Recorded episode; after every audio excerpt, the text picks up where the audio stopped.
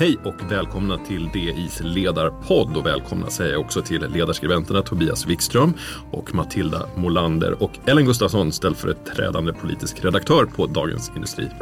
Jag heter Andreas Johansson och det är eftermiddag den 24 augusti när vi spelar in detta. Finansminister Elisabeth Svantesson har precis haft presskonferens om det ekonomiska läget inför höstbudgeten. Vad var hennes budskap? Eh, ja, det är ju att eh, kärninflationen fortfarande är hög, eh, men att den högsta nivån ligger bakom oss. Så det fanns en strimma av hopp om att inflationen kan komma ner, men det kommer ju att ta sin tid. Och en viktig sak som hon tog upp är ju att välfärden ska få mer pengar, alltså kommuner och regioner. Hon sa att vi kommer inte att lämna välfärdens verksamheter i sticket. På så sätt så var det ju inte jättemånga överraskningar utan det lät ju ganska mycket som det har gjort under, ja men i alla fall eh, liksom sen, sen någon gång under våren. Alltså att inflationen är hög, det begränsar regeringens handlingsutrymme. Eh, de gör till och med en liksom, lite stramare bedömning än vad Konjunkturinstitutet gör. De räknade med ett reformutrymme på 45 miljarder. Eh, regeringen säger att nej, men vi, vi räknar med 40 miljarder. Så att man, man ser inflationen som väldigt styrande i liksom hur mycket pengar man vill, man vill spendera. Och, eh, den här ekonomiska bilden som de målar upp, det var egentligen det som var det primära syftet med pressträffen idag. Helt enkelt att eh, ge en bild av det ekonomiska läge som regeringen då sen så att säga, handlar inom ramen för. Eh, där ser man inflationen som roten till alla problem.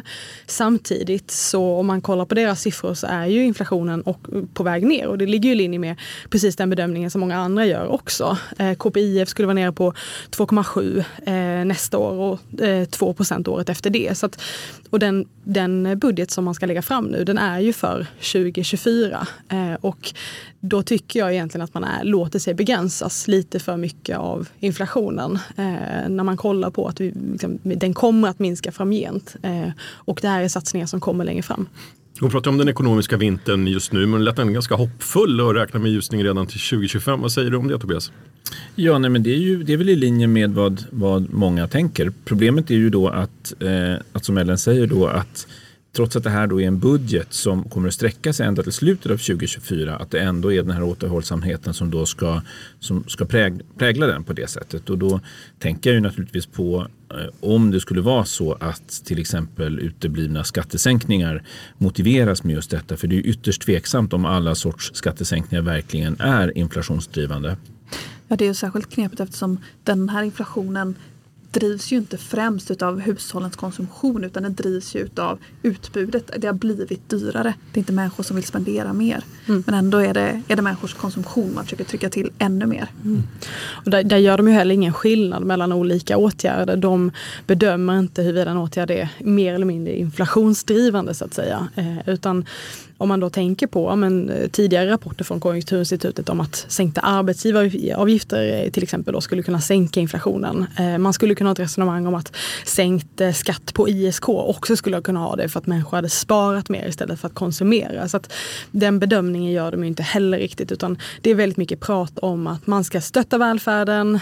Det kan man ju egentligen direkt översätta till statsbidrag till kommuner och regioner trots att det finns pengar att hämta där. Nu var ju det här en presentation av det ekonomiska läget inför höstbudgeten. Vad kan vi förvänta oss av eh, höstbudgeten här framåt då? Ja, men, som vi har varit inne på, en, en stram budget, inga stora satsningar, inga stora skattesänkningar, men statsbidrag till kommuner och regioner. Mm. Och på det sättet så låter det ju Elisabeth Svantesson ganska likt hur man kan tänka sig att Magdalena Andersson hade låtit. Eller ja, snarare hennes finansministerkandidat då. Men hon är ju, det är ju en på sitt sätt ganska socialdemokratisk eh, liksom, beskrivning utav det ekonomiska läget när man just trycker på eh, stöd till kommuner och regioner. Det har ju varit en stor opinionsbildning kring det från oppositionen och det har uppenbarligen tagit skruv. Det var i alla fall ett bra besked skulle jag säga idag. Det stod, de pratade om vad regeringens plan var. och Där stod det, stod det också om just arbetslinjen, att man ska återupprätta den. Och det är ju svårt att tolka på något annat sätt än att det kommer att komma ett jobbskatteavdrag i höstens budget. Eh, det är ju väldigt välkommet om det blir så. Eh, det har snart gått ett år med en borgerlig regering då tycker att man kan förvänta sig skattesänkningar. Eh, och eh, nu eh, häromdagen så höll ju Socialdemokraterna pressträff där de pratar om att ja, de vill också sänka skatterna. Så att det sätter ju i alla fall ytterligare lite press på eh, Elisabeth Svantesson att också leverera en skattesänkning. När hon var färdig med sin presentation så ställde en av journalisterna en fråga om hur, det nu blir, hur hon ser på den här höjda brytpunkten som ju kommer att höjas mycket om man följer då det som står i lagen. På, på, på, grund av, eh, på grund av eh, inflationen helt enkelt. Och då, säger, då, får, då får hon frågan om, om det är rätt att indexera upp den här som det är tänkt. Och då svarar hon med att det är mycket annat här i ekonomin som är indexreglerat. Hon nämner bland annat garantipensioner. Eh, och eh, det har hon ju naturligtvis alldeles rätt i. Eh, så att jag tänker att hon bäddar för att, att ändå köra igenom det här som tänkt. Jag tror att det skulle vara att öppna en fallucka att inte följa den här principen för en moderat statsminister trots allt. Mm. Hur ser samarbetet mellan Tidöpartierna ut eh, idag så här då, ett år, ett år senare? Det finns eh, två bilder skulle jag säga. Eh, först och främst måste man konstatera att det går väldigt bra. Eh, det här var en helt oprövad konstellation av partier. Sverigedemokraterna i ett regeringsunderlag var också helt oprövat. Eh, många visste inte riktigt vad man skulle kunna förvänta sig, hur det här skulle fungera. Men eh, de, de, den bilden man får från regeringskansliet och från partierna är att det funkar eh, över förväntan. Eh, det är i princip inget strul. Eh, Sverigedemokraterna är inte det stora problemet i regeringskansliet. Där det finns ett samhälle, där finns det brott. Krimrummet är podden som tar brottsligheten på allvar. Jag bjuder in landets ledande experter och tar upp aktuella rättegångsfall för att begripliggöra den kriminalitet som kryper allt närmare. Du, alltså, du kan knäcka ett eller några gäng, men det kommer komma nya och så kan vi knäcka dem sen. Men att du ska knäcka allt forever, det kommer aldrig ske. Det är infinite gain. Lyssna på Krimrummet, en podd från Expressen med mig Kim Malmgren. Hej, Ulf Kristersson här. På många sätt är det en mörk tid vi lever i. Men nu tar vi ett stort steg för att göra Sverige till en tryggare och säkrare plats. Sverige är nu medlem i Nato. En för alla, alla för en. är bilden som jag får. Eh, och eh, nej, men de har tjänstemän där och de vill få igenom tidavtalet och den politiken som är där. Vilket man kan förstå för att de har satt sin prägel på stora delar av det här avtalet. Eh, samtidigt så har man den här andra bilden som vi har sett prov på till stor del de senaste månaderna. Vi har uttalanden från Björn Söder, från Richard Jomshoff. Vi har hela debaclet kring ordningslagen där det, där det gnisslar lite grann i samarbetet och som sätter lite käppar i hjulet för, för ja, hur, det, hur det ska fungera den här mandatperioden ut. Och där tror jag att det till stor del handlar om att Sverigedemokraterna behöver bestämma sig kring vilket typ av parti de vill vara. Vill de vara med och ta ansvar som de ju gör genom tidavtalet? Eh, de hoppas få en större roll framgent. Det tror jag blir väldigt svårt om de håller på som de gör idag.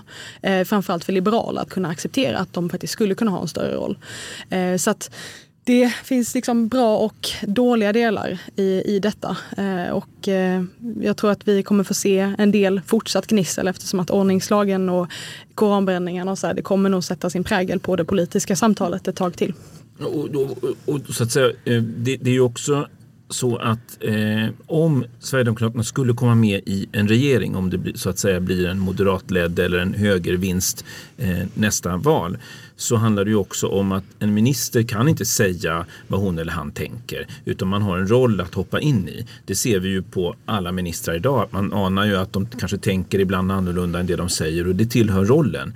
Och om de inte kan leva upp till att så att säga ta ansvar för överenskommen politik, ta ansvar för Sverige och så vidare, då blir det ju svårt. Och det tror jag de egentligen fattar. Men de har något slags behov av att, eh, av att tillfredsställa den här islamkritiska stora delen av sitt sitt, eh, sin, sin, sina kärnväljare.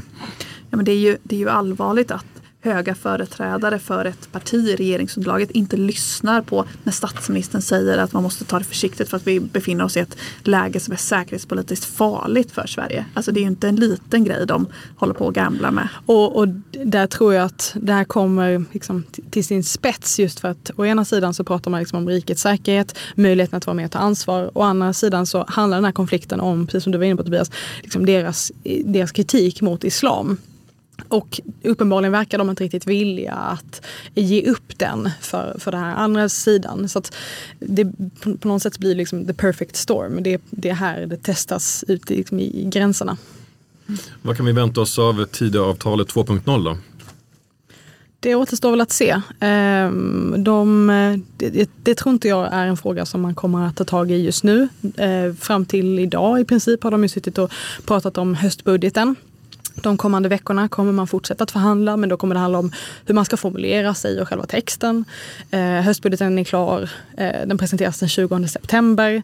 Någon gång efter det kommer man nog börja prata om eh, huruvida man kan utöka eh, Tidösamarbetet eller inte. Och det tycker jag i grund och botten är bra att det finns en sån, eh, en sån mekanism eller att man har öppnat för det på ett sätt som till exempel inte fanns med i januariavtalet. Alltså den kritiken som fanns att det blir ett avtal som är för låst i tiden och som inte är tillräckligt dynamiskt. Så att, att man öppnar upp det och funderar kring vad, hur man skulle kunna utöka det tycker jag är väldigt, väldigt bra. Men just nu är det svårt att se vilka områden som man mer skulle kunna inkludera. Liberalerna har ju till exempel, de var tidigare inne och i våras så pratade om att man vill diskutera euron. Eh, det kommer man ju inte få med sig Sverigedemokraterna på, även om jag tycker att det hade varit väldigt bra såklart om man, man hade fått in den. Mm.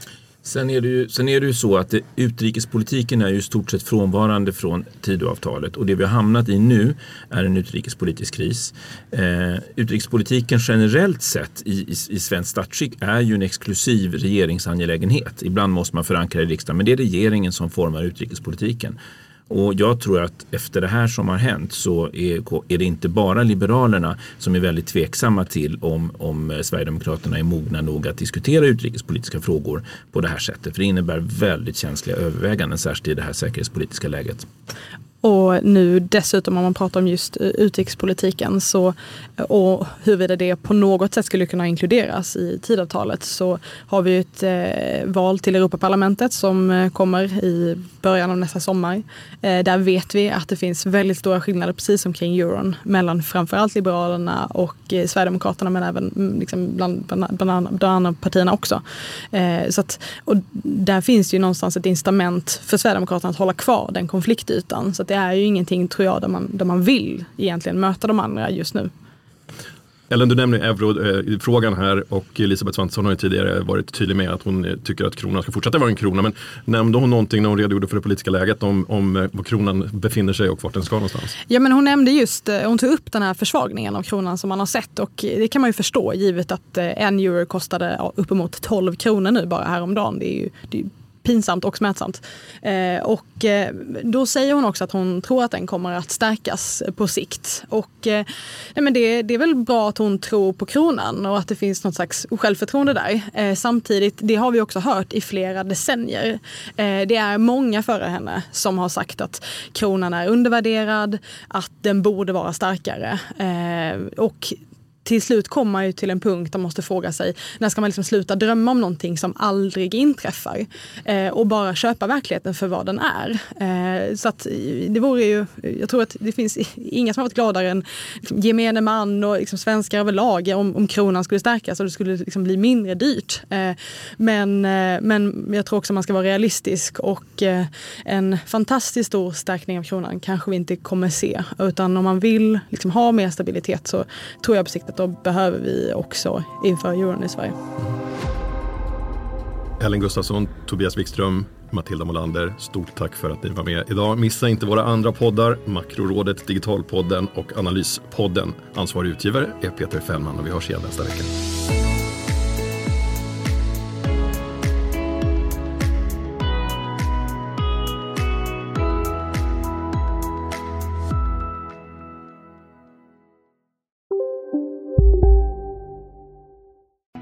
Är specialister på det vi gör, precis som du.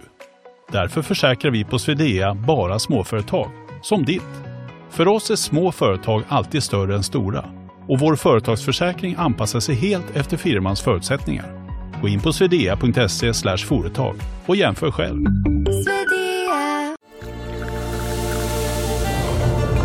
Välkommen till Maccafé på utvalda McDonalds restauranger med Baristakaffe till rimligt pris. Vad sägs om en latte eller cappuccino för bara 35 kronor? Alltid gjorda av våra utbildade baristor.